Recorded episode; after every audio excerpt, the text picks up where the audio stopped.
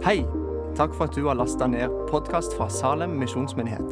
For å finne ut mer om oss, besøk vår hjemmeside salem.as. Det er godt å sette navn på tilbedelsen her, og takknemlighet til Jesus for den han er, og det han har gjort. Og det gjør jo ingenting å stå litt når kongenes konge er i huset. Det gjør ingenting. Det er godt. Må bare si i begynnelsen så utrolig fint å høre Øystein og Ruth. Det som dere deler fra Nepal, det er jo beundringsverdig når han har fulgt deg noen år, Øystein, og se hva, hva, du har fått til, og hva Gud har gitt nåde til. Og det er jo et privilegert Øyvind og Øystein sa det, ja, det blander stadig. Øyvind. Um, det er jo et privilegium som menighet å få lov til å ha sånne misjonærer utsendt fra oss. Så de gjør sin del, og vi gjør vår del. Og Kanskje noen kjente at de til og med fikk lyst til å spe på litt ekstra der. til Øyvind og Ruth. Jeg syns det er et eh, fantastisk prosjekt. Og bare det å få ferdig det huset, da er det jo mye som er gjort. Og Fram til nå har det vært mye jobb, og det er mye jobb igjen. Men det nærmer seg jo noe. Eh, vi har jo hatt tre tre søndager med Filipperbrevet, fire. Sånn er vi i slutten av det kapitlet. Eh, og Bakgrunnen på det er jo at eh, Paulus han sitter i fengsel akkurat når han skriver det her. Eh, og han skriver til menigheten Filippi og er veldig takknemlig for det de har betydd for han. Eh, de har sendt gave, de har sendt brev, de har sendt oppmuntringer. De har i det hele tatt vært til veldig, veldig stor støtte for han. Eh, mange av de som er i Filippi og driver menigheten videre, de har stått med han gjennom mange år. Um, og det er en god del En kunne jo hatt en, en preken om givertjeneste her. Uh, det har jeg valgt å ikke gjøre. Men, uh, men det sier jo iallfall noe om viktigheten av nettopp det vi har snakka om med Øyvind og Ruth her, i forhold til at, uh, at, noen står sammen med de som på en spesiell måte da bringe evangeliet ut. Eh, men det som slår meg mest i denne teksten, og det jeg har lyst til å fokusere litt eh, i formiddag, det er det, dette livet som Paulus lever sammen med Gud. Som gjør at han kan formidle det han formidler til filipperne i de, de omstendighetene som han sitter i. Um, og, det sier noe, og, Paulus er jo enormt ærlig med livet. Det er han i mange settinger. Eh, men Vi kan først skal lese et par kapitler på det, eller et par eh, steder om det. Men først kan vi jo lese teksten for i dag. da. Det er Filippabrevet 4, 10-20. Overskriften der er 'Takk for gaven'. Det var en stor glede for meg i Herren at dere igjen har maktet å tenke på det jeg trenger.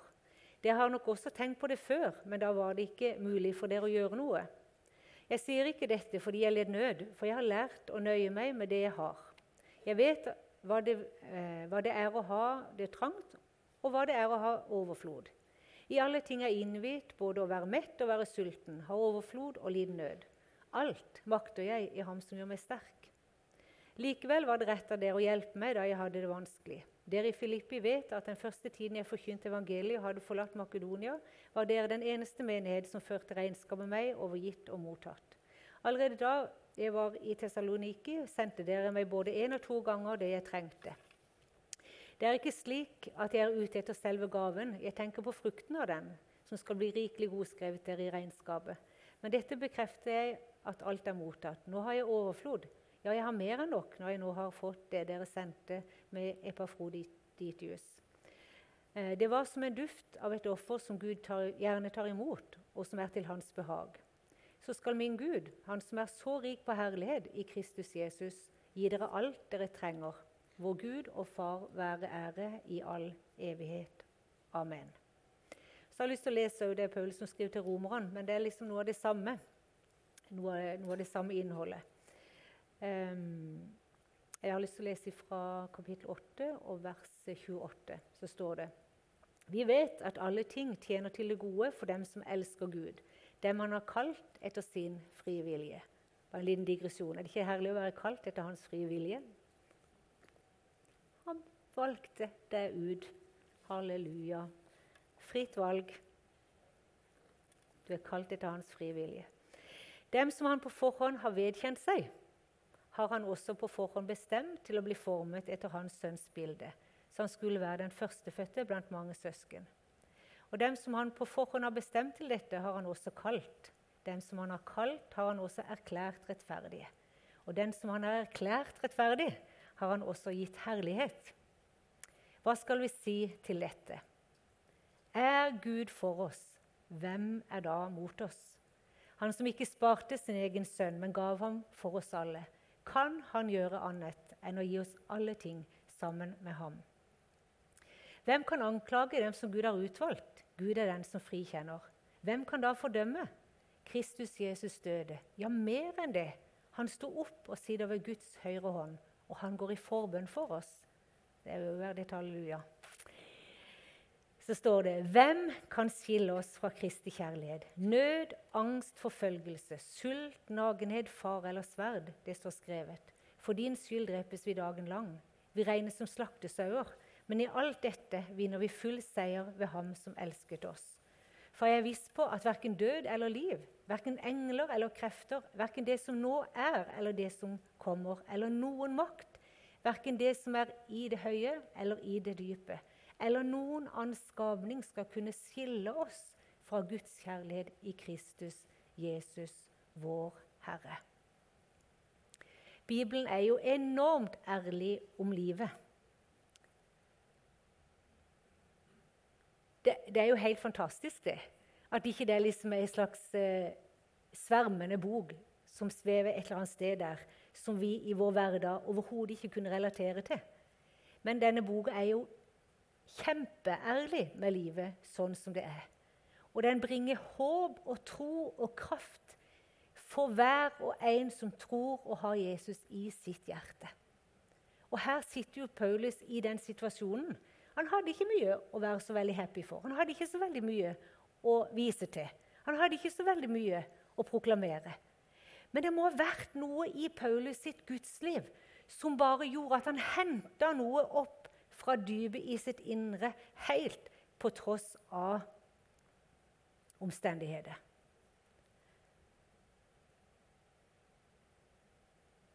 Vi vet jo det. Men hvis en skal flykte litt og bare ta ut noen vers fra Bibelen, så kunne en liksom si at eh, det er ikke så, Jeg las faktisk når jeg forberedte meg på dette her, så las jeg en tekst på noe som jeg tenkte Kjære, vakre vene, altså. For da var det liksom en som skrev. Nei, det var bare aldri snakk om å være under. Det var aldri snakk om å oppleve problemer. Det var alltid bare snakk om seier. Det var bare snakk om å alltid være frisk og gå utenom alle utfordringer.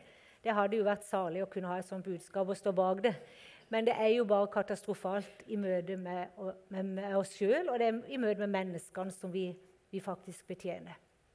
Skulle på en måte kanskje ønske det var sånn. Vi gleder oss jo til himmelen en gang. Eh, men sånn er det ikke. Og det er ikke det Bibelen heller sier. Bibelen sier her at eh, Paulus han visste hva det ville si å ha det trangt. Han visste hva det ville si å ha det lite. Han visste hva det var å være innelukka i et lite rom og ikke komme noen vei. Han visste hva det ville være syk. Han visste hva nød ville si. Han visste hva forfølgelse ville si. Han kjente på angst. Han kjente på nagenhet. Han ble nesten tatt livet av. Han hadde kjent det til fare, han kjente til sverd. Og han bare ramser opp liksom, hvordan livet kjører på han på et vis både i Filipperbrevet og i Romerbrevet. Og jeg liker det. At han òg skrev det, for Paulus kunne bare skrevet sine brev med bare seiershistorie. Han kunne bare fortalt. Han kunne ha fylt boka med bare seiersrapporter. Men han velger å ta de som skal lese brevene hans, sine, han velger å ta dem inn i livet sitt og si 'sånn er mitt liv'. Og midt i mitt liv, sånn som jeg har opplevd det, så kjenner jeg én. Og hans navn er Jesus. Og når jeg fant han, så akta jeg alt det andre hadde, som skrap. Da kunne de bare ha det, liksom. Han ga avkall på posisjon, han ga avkall på ære. Han ga avkall på å gå i byen med den perfekte kappa si som bare strålte at han var fariseer og perfekt. og helt, Alle bøyde kne for han, alle hilste på han som rabbi. Han akkurat det som ingenting mot denne perla, mot denne skatten som han hadde funnet i Kristus, som gjør at han sier at uansett, filippere, hva jeg har gjennomgått, så makter jeg alt i Han jeg har funnet. ikke det deilig? Det er bare så, Jeg er sikker på at mange, kanskje alle sammen her, kan bare si ja, men det er sånn jeg har opplevd å være en kristen. Det er sånn jeg har opplevd de tidene hvor jeg har våget å komme til Jesus med livet sånn som det er. Så har jeg opplevd at det er ingenting av det jeg har gjennomgått, som har gjort at når jeg kom til Jesus, at han snudde meg ryggen. ikke det fantastisk? Det kan vi oppleve i det hverdagslige og i det menneskelige. En kan komme i en sånn posisjon at eh, mennesket bestemmer seg for å avvise.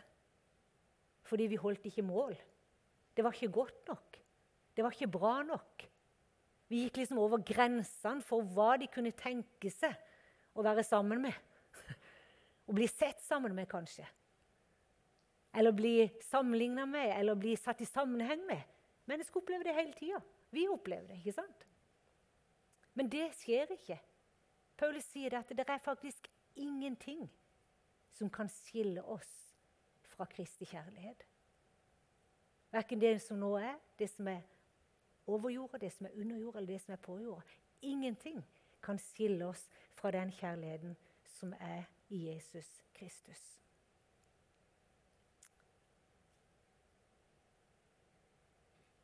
Han roper det ut, ikke sant? Hva skal vi så si til dette? Er Gud for oss? Hvem er da imot oss? Han som ikke sparte sin egen sønn, men gav han for oss alle. Kan han gjøre annet enn å gi oss alle ting sammen med han? De siste par ukene har jeg tenkt enda en gang, og jeg kjenner liksom noe enda dypere i nettopp dette. Det er rart det med evangeliet, som det bare det siger inn liksom, gjennom årene. Det er ikke gjort i en fei, men, men det siger på. Og det er veldig godt det når du er voksen og bare kjenner at det blir nytt enda en gang. Og det blir dypere enda en gang. Og det blir større enda en gang. liksom. Det er fantastisk. Lurer på hvordan det en gang skal bli når vi kommer hjem. Det er godt ikke det går an å sprekke seg, for da hadde det sikkert gått helt i stykker. Men det går jo ikke i himmelen, mener jeg. Men du kan kjenne det presset på glede og begeistring. Og så har jeg tenkt på dette her at eh, Jesus han ga livet sitt for meg. Og det er jo så fort han vil bare si det. Han døde for meg. Litt sånn lett. Men folkens, vi har gått av og til å tenke på han ga livet sitt. Han ofra livet sitt. Han så på det og så at det mennesket kommer til å gå fortapt. Det mennesket kommer til å gå evig fortapt. Og kjærligheten dreiv han til korset. Kjærligheten dreiv han til å ta det valget. Jeg vil dø, jeg vil korsfestes, jeg vil bære all straff, all dom, all synd, all plage, all sykdom. Kjærligheten dreiv Jesus til korset. Det var ingen som tvang han dit. Kjærligheten tvang han dit. Det var ingen soldater som piska han dit, dypest sett. Selv om vi vet at de gjorde det også. Men det som drev Jesus, han kunne ha stoppa opp et nu og et øyeblikk, og så kunne han gått motsatt vei, og så kunne de ha ligget død rundt ham hvis han hadde bestemt seg for det. Sant vel? Men kjærligheten til det drev Jesus til korset. Og det drev han til å fullføre veien. Fullstendig. Hele lidelsens vei fullførte han. Og når han gjorde det, sier Paulus, hvordan skulle han da gjøre annet enn å bare gi oss alt sammen med han? Skulle han, hvorfor skulle han ikke da være med oss i alle slags livs, eh, livssituasjoner? Og Jeg blir så begeistra for dette Jesuslivet. Det står i en av salmene at, og Jeg snakka vet om det for noen år siden òg. Men, men det, jeg skal ikke si så mye om det heller, men det syns jeg er så nydelig, for der står at den rettferdige er å ligne med palmen. Og en av palmens kjennetegn som jeg syns er nydelig, det er det at selve sevjen og livet til palmen den ligger i, i stammen. Den ligger i sentrum, altså inni midten av stammen. Mens hos andre trær så ligger jo, det er bare et lite lag med bark, så ligger liksom sevjen og livet rett ut forbi der. Og som gjør at treet er veldig sårbart. Så hvis det blir noe hugg og slag, så bare dør trær. ikke sant? Eller det kommer gnagere. Så tar de liksom barken, kanskje. Og så er det bare litt grann tid, så er treet tre dødt. Hvorfor det? Jo, for sevjen renner ut. Det bærer ikke. Mens i palmen så ligger den der sevjen, selve livskilden, ligger liksom inni stammen. Og det gjør at selv om palmen, midt ute i ørkenen, må tåle stormkast Det har forresten evnen til å bøye seg helt ned til bakken. Blir 40 meter høyt. Og palmen blir aldri høyere enn det han er i dypet, i grunnen.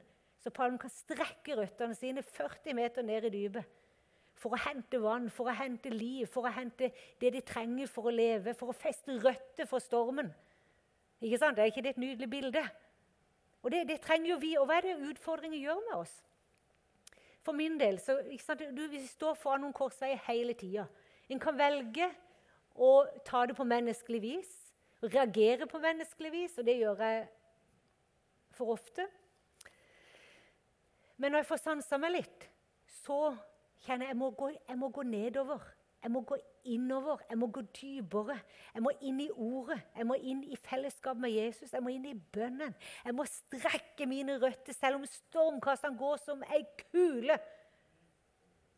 Ikke sant? Og selv om vinden blåser, selv om støvet legger seg til, selv om hugg og slag som kommer, så kan vi velge hver dag nesten. Hver gang det skjer noe, så velger vi. Og reagere bare i det menneskelige og hente ut menneskelige ressurser enn å si 'Jesus'. Og det tror jeg Paulus gjorde der sa det i Filippi. Jeg tror han sa, 'Jesus, du min hjertes skatt. Du som ga livet ditt for meg, Jesus. Nå kan du komme også her i dette fangehullet. Nå kan du også komme her innenfor disse fire veggene. Nå kan du komme her når jeg er sulten. Nå kan du komme her når jeg savner familie, når jeg savner brødre og søstre. Når jeg ikke har fått være menighetsfellesskap på så og så lenge. Jeg har ikke sett de og de på så og så lenge. Jeg savner en som Jesus, men nå kommer du, Jesus. Han kunne ha valgt å banke og slå i de der fengselsveggene. ikke sant? Rope til fangene og skjelle de ut. 'Drittunge, dere har gjort noe urettferdig mot meg.' 'Jeg sitter her uten grunn. Dere har ingen rett.' Han kunne ha holdt på, ikke sant? Eller om han ble slått eller pint eller hadde angst eller ikke sant? Han kunne ha reagert helt annerledes. Men Paulus viser gjennom brevene han skriver, at han har en kilde inni seg Kristus i dere er håpet om herlighet. Kristus innen i oss er håpet om herlighet i hverdagen. I det livet som vi lever, så er han, akkurat som sevjen ligger i sentrum av denne palmestokken, holdt jeg på å si, så ligger Kristus som kjernen i vårt liv, som har den kapasiteten, som har den ressursen, som har den enorme evnen til å være større enn alt. Og Noen ganger så, så kjenner vi at dette Kristuslivet det bare tar oss ut av angsten, tar oss ut av depresjonen, tar oss, og bringer legedom til kroppen. Bringer tilgivelse på et besudla liv. Ikke sant? Bringe lys inn i mørket. Bringe håp inn i håpløsheten. Men så er det også de ganger hvor man bare på en måte forblir i det som er depresjonen. Man bare på en måte er i angsten mye lenger enn en hadde lyst til. En har vel aldri lyst til å være i noe angst, aldri lyst til å være i depresjon. Men det er jo sånn at en ber og ber Gud, fri meg ut. Ikke sant? Vi vil, vi vil jo være friske. Heldigvis så ligger jo det i naturen. Det, jo, det, jo, jo, det, ligger jo bare som en lengsel. At vi må på en måte være oppe og gå. Sterke og ikke sant? opplagte. Heldigvis, for det drar oss jo frem. Og det drar oss inn til Han som er kilden, og det, det hjelper oss til å gjøre gode valg hver hverdagen. Men det er også noe med denne kraften fra Gud, dette livet som bare fins der inne. Som en livskilde, som en kilde av levende vann. Det er ikke rart Johannes skriver, eller Jesus sier, visste du hvem det var som ba deg om å drikke. Da hadde du bedt han. Jaså, men. Ikke sant? Vi trenger å minne hverandre på det. Skjønner vi hvem det er som sier du kan komme i alle livets situasjoner? Du kan komme og drikke uansett hvor du er henne. Om vi husker på det når stormen står på. når sandføyka kommer inn over åndslivet og livet vårt. ikke sant? Om vi husker hvem det er som bor der inne og sier 'Vil du drikke?' Kom til meg! Kom til meg, du som tørster! Kom til meg, som er den levende kilde! Ja, så hadde vi virkelig spurt han. Og det kan jo være en oppmuntring til oss her i formiddag. At Jesus sitter ved vår livsbrønn og sier, 'Er du tørst, så kan du komme og drikke.' Og så har denne kilden av levende vann dette i seg at den er større enn og gir liv til sida av livet vårt som ville være totalt fortapte om ikke det var at Han som er større enn, kom oss i møte.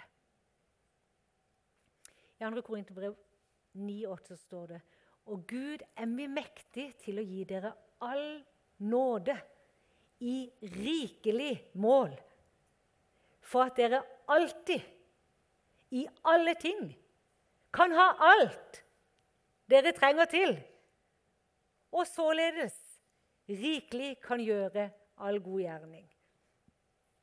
En gang til, sier jeg bare. Og Gud er mektig til å gi dere all nåde. Alt det som er ufortjent. Alt det som ikke vi pre kunne prestere oss frem til. Alt det som ikke er på grunn men det som er ufortjent. Han er mektig til å gi dere all nåde i rikelig mål, for at dere alltid, i alle ting, kan ha alt det dere trenger til, og således rikelig kan gjøre all god gjerning.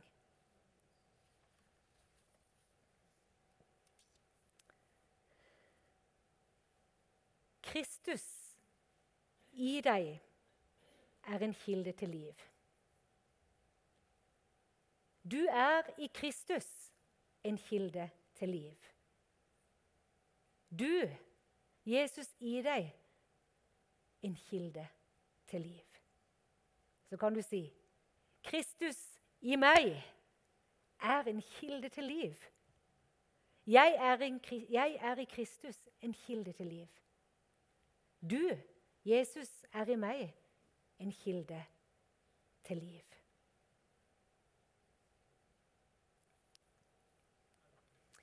Peter Hallov sa en gang at eh, når den Gud som vi lever i, beveger oss i og er til i, lever, rører seg og er til i oss, da er vi med målet. Ikke som en endestasjon, som om vi hadde brutt målesloren, men da lever vi det livet vi er skapt til å leve, i harmoni med Gud. Når den Gud som vi lever i, beveger oss og er til i, lever, rører seg og er til i oss, da er vi ved målet. Ikke som endestasjonen, som om vi hadde brutt målesnoren, men da lever vi det livet vi er skapt til å leve, i harmoni med Gud. For et privilegium, for en mulighet å koble vårt hverdagslige liv inn på dette livet som Kristus faktisk bor i oss med. Og huske på det, oppmuntre hverandre til det. At uansett hvor vi befinner oss, så er denne kilden tilgjengelig. Så kan vi vende vårt sinn til vårt eget hjerte og finne at han bor der. Og finne at han bor der alle dager, alle slags dager. At han er der uansett hvor du er, der er han. Uansett hvordan omstendighetene dine er, så er han en kilde til liv som fins der inne, som er som sevjen i palmetreet, som gir liv, og som gjør at du kommer til å klare det, du kommer til å overleve. Og Paulus er jo så fokusert på dette her. Så sier han om jeg lever eller dør, så hører Herren til. Så selv i døden, selv om jeg går i dødsskyggens dal, frykter jeg ikke for noe ondt, for du er med meg. Ikke sant? Selv der, liksom. Selv der, selv frykten for døden kunne ikke ta Paulus. Hvorfor det? Jo, for han holdt fast i denne skatten, denne perlen, dette livet, denne livskilden, denne voldsomme, dette oppkommet av liv fra Gud som han kjente han hadde fått i Kristus. Så selv døden kunne ikke ta begeistringen fra han. Fantastisk. Og så er det herlig å bare kunne si litt om det, for, for jeg kan si det for min egen del, at det er sant. Jeg kan si at det er mitt vitnesbyrd med de 50 årene som ligger bak, at Gud er trofast. Og når en har vent seg til Han i alle livets situasjoner, så har jeg funnet Han der. Og det er godt å kunne finne et sted i denne verden som er konstant. Finne én som alltid er trofast. Finne én som aldri fordømmer. Finne én som aldri slår hånda. Finne én som aldri blir overraska. Finne én som alltid har omsorg. Finnes én som alltid har forståelse. Finnes én som har medlidenhet med oss i vår svakhet og vår skrøpelighet. Finne én som bare er selve livet. Sånn er vår Jesus. Og vi må hjelpe hverandre til å huske på hvem han er.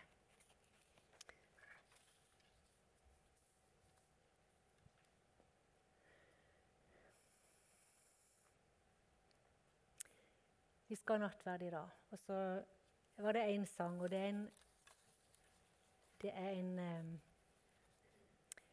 veldig gammel sang. Og jeg har lyst til å spille den. Det er en eldre mann som synger den.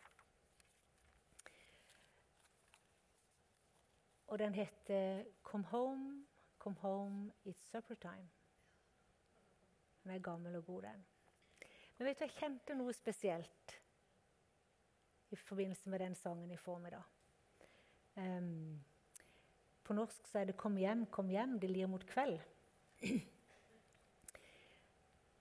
og, han, og, den sangen skildrer egentlig, den synger egentlig om en som skildrer eller synger om når mor på ettermiddagen kalte barna inn til middag. Um, jeg tror det er én eller flere her i formiddag som trenger å høre det fra himmelen. Kom hjem, kom hjem, det lir mot kveld. Kom hjem, kom hjem. Come home, come home, it's supper time. Det er tid for måltid. Og hvis vi kunne bare spille den før jeg leser innstiftelsesordene. Og at du kunne Jeg tror Jesus kaller på noen på en spesiell måte. Kanskje du rett og slett ikke har tatt imot Jesus. Du vet med deg sjøl at uh, du tilhører ikke Jesus. Du har aldri sagt ditt ja til han i ditt hjerte. Og et, helt oppriktig så tror jeg at Jesus sier til deg i formiddag kom hjem. Det er tid for at du skal komme spise måltid med meg. Du skal få fred med Gud.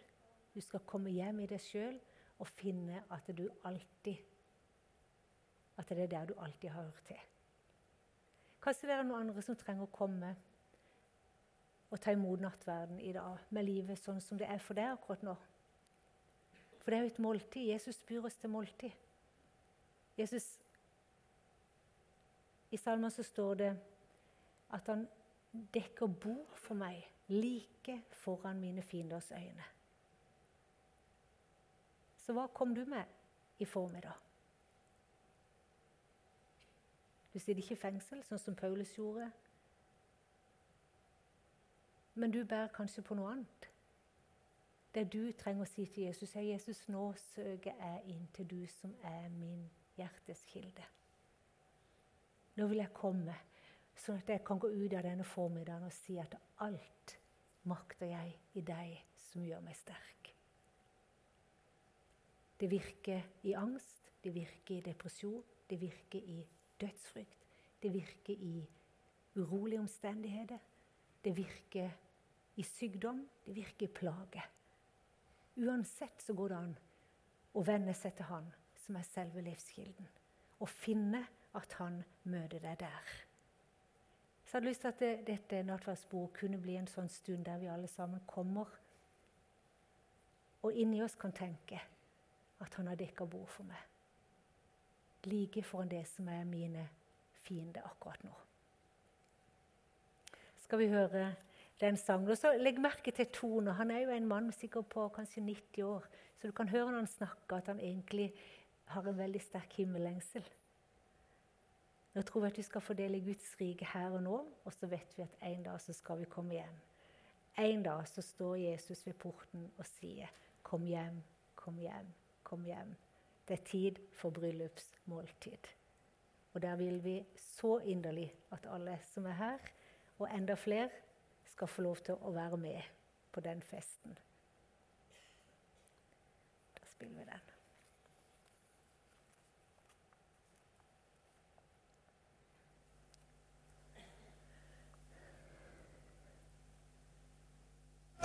When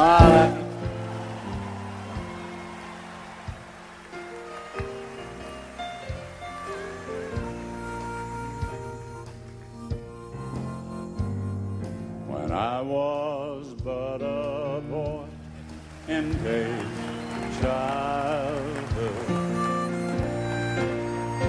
I used to play till evening shadows come.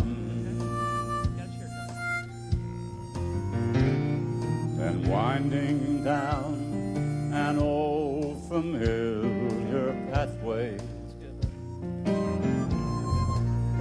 I heard my mother call at set of sun.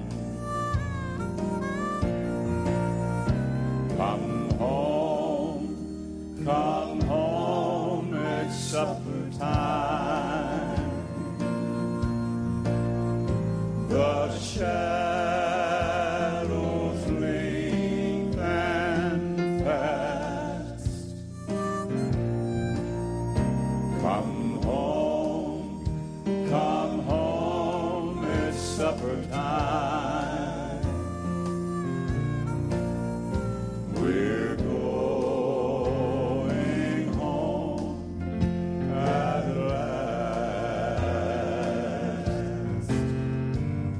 Some of the fondest memories of my childhood were woven around supper time when mom would come to the back steps of the old home place and she'd say, George, come on in, it's, it's supper time. Oh my, but how I'd love to hear that much more. But you know, for me, time has woven the realization of a truth that is even more thrilling.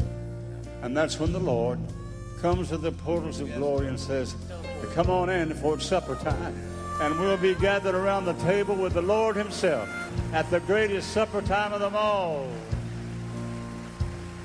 In visions now, I see her standing yonder. And her familiar voice I hear once more. The banquet tables ready up in heaven. Oh, it's supper time up on the golden shore. Come home, come home, it's supper time. of shadow.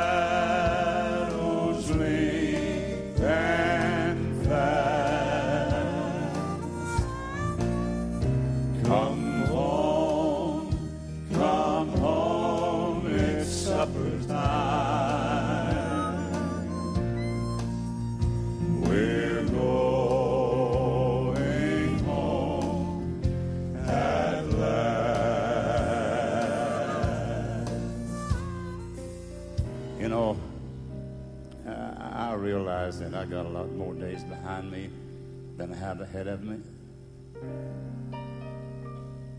But I also know this. There was a day when I didn't have my horse, house in order and I wasn't packed and ready to go. But should he return tonight, my name is in the Lamb's Book of Life, and I'm ready to meet him. Yeah. Oh, I'm going Somebody asked me the other day, I was going somewhere, they said, Hey, George, where are you heading? I said, Well, I'm I'm going to the grocery store, but I'm heading home. oh, I'm heading heading home someday. Someday.